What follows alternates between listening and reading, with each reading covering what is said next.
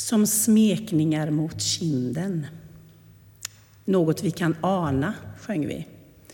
Så har det nog varit för mig när jag har känt att det har blivit klart för mig ibland vad jag ska göra för att jag tror att Gud vill att jag ska göra det. Några gånger har jag agerat, eh, gjort saker som kanske egentligen ligger utanför min bekvämlighetszon. Men jag har känt, som en del uttrycker det, att det ligger på mitt hjärta att göra det. Och det är för mig ett tilltal från Gud. Men det är också väldigt lurigt det där. För jag kan ju uppfatta att en del människor säger att de, till, till Gud, Gud säger till dem någonting som kanske inte passar in med min gudsbild eller med min bild av tron. Det där måste ju prövas för var och en. Men jag tycker om de här fraserna som inte är för, för eh, snäva och för eh, instängda. Eh, och därför ska jag läsa en psalm för ambivalenta.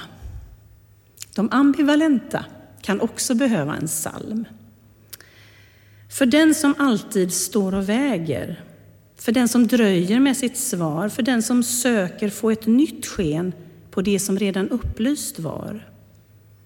För oss som stillas i det mörka, som håller hårt i det som var, som ändå aldrig slutat längta, som alltid har en sträcka kvar. En bön om nåd för oss som tvekar, om mod att höra hjärtats tal. Att Gud i oss till sist beveka, att våga steg, att göra val. När hjärtat kräver vila, vänta. En psalm för de ambivalenta. För sanningen, den gör oss fria. Det är vårt hjärtas första bud. Vi ryser vid det alltför säkra att alltid ha ett svar från Gud. Vi bygger inte några kyrkor, marscherar inte med baner. I öppenhet finns våra styrkor. Vi ser vad andra också ser. En bön om ro, en fridfull glänta, en psalm för de ambivalenta. Att börja tro på stund av mättnad, om bara här i en sekund. Se gåtfull evighet som lättnad, det är vårt evangelium.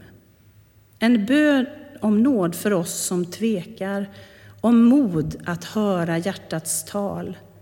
Att Gud i oss till sist beveka, att våga steg, att göra val.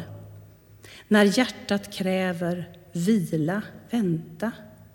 En psalm för de ambivalenta.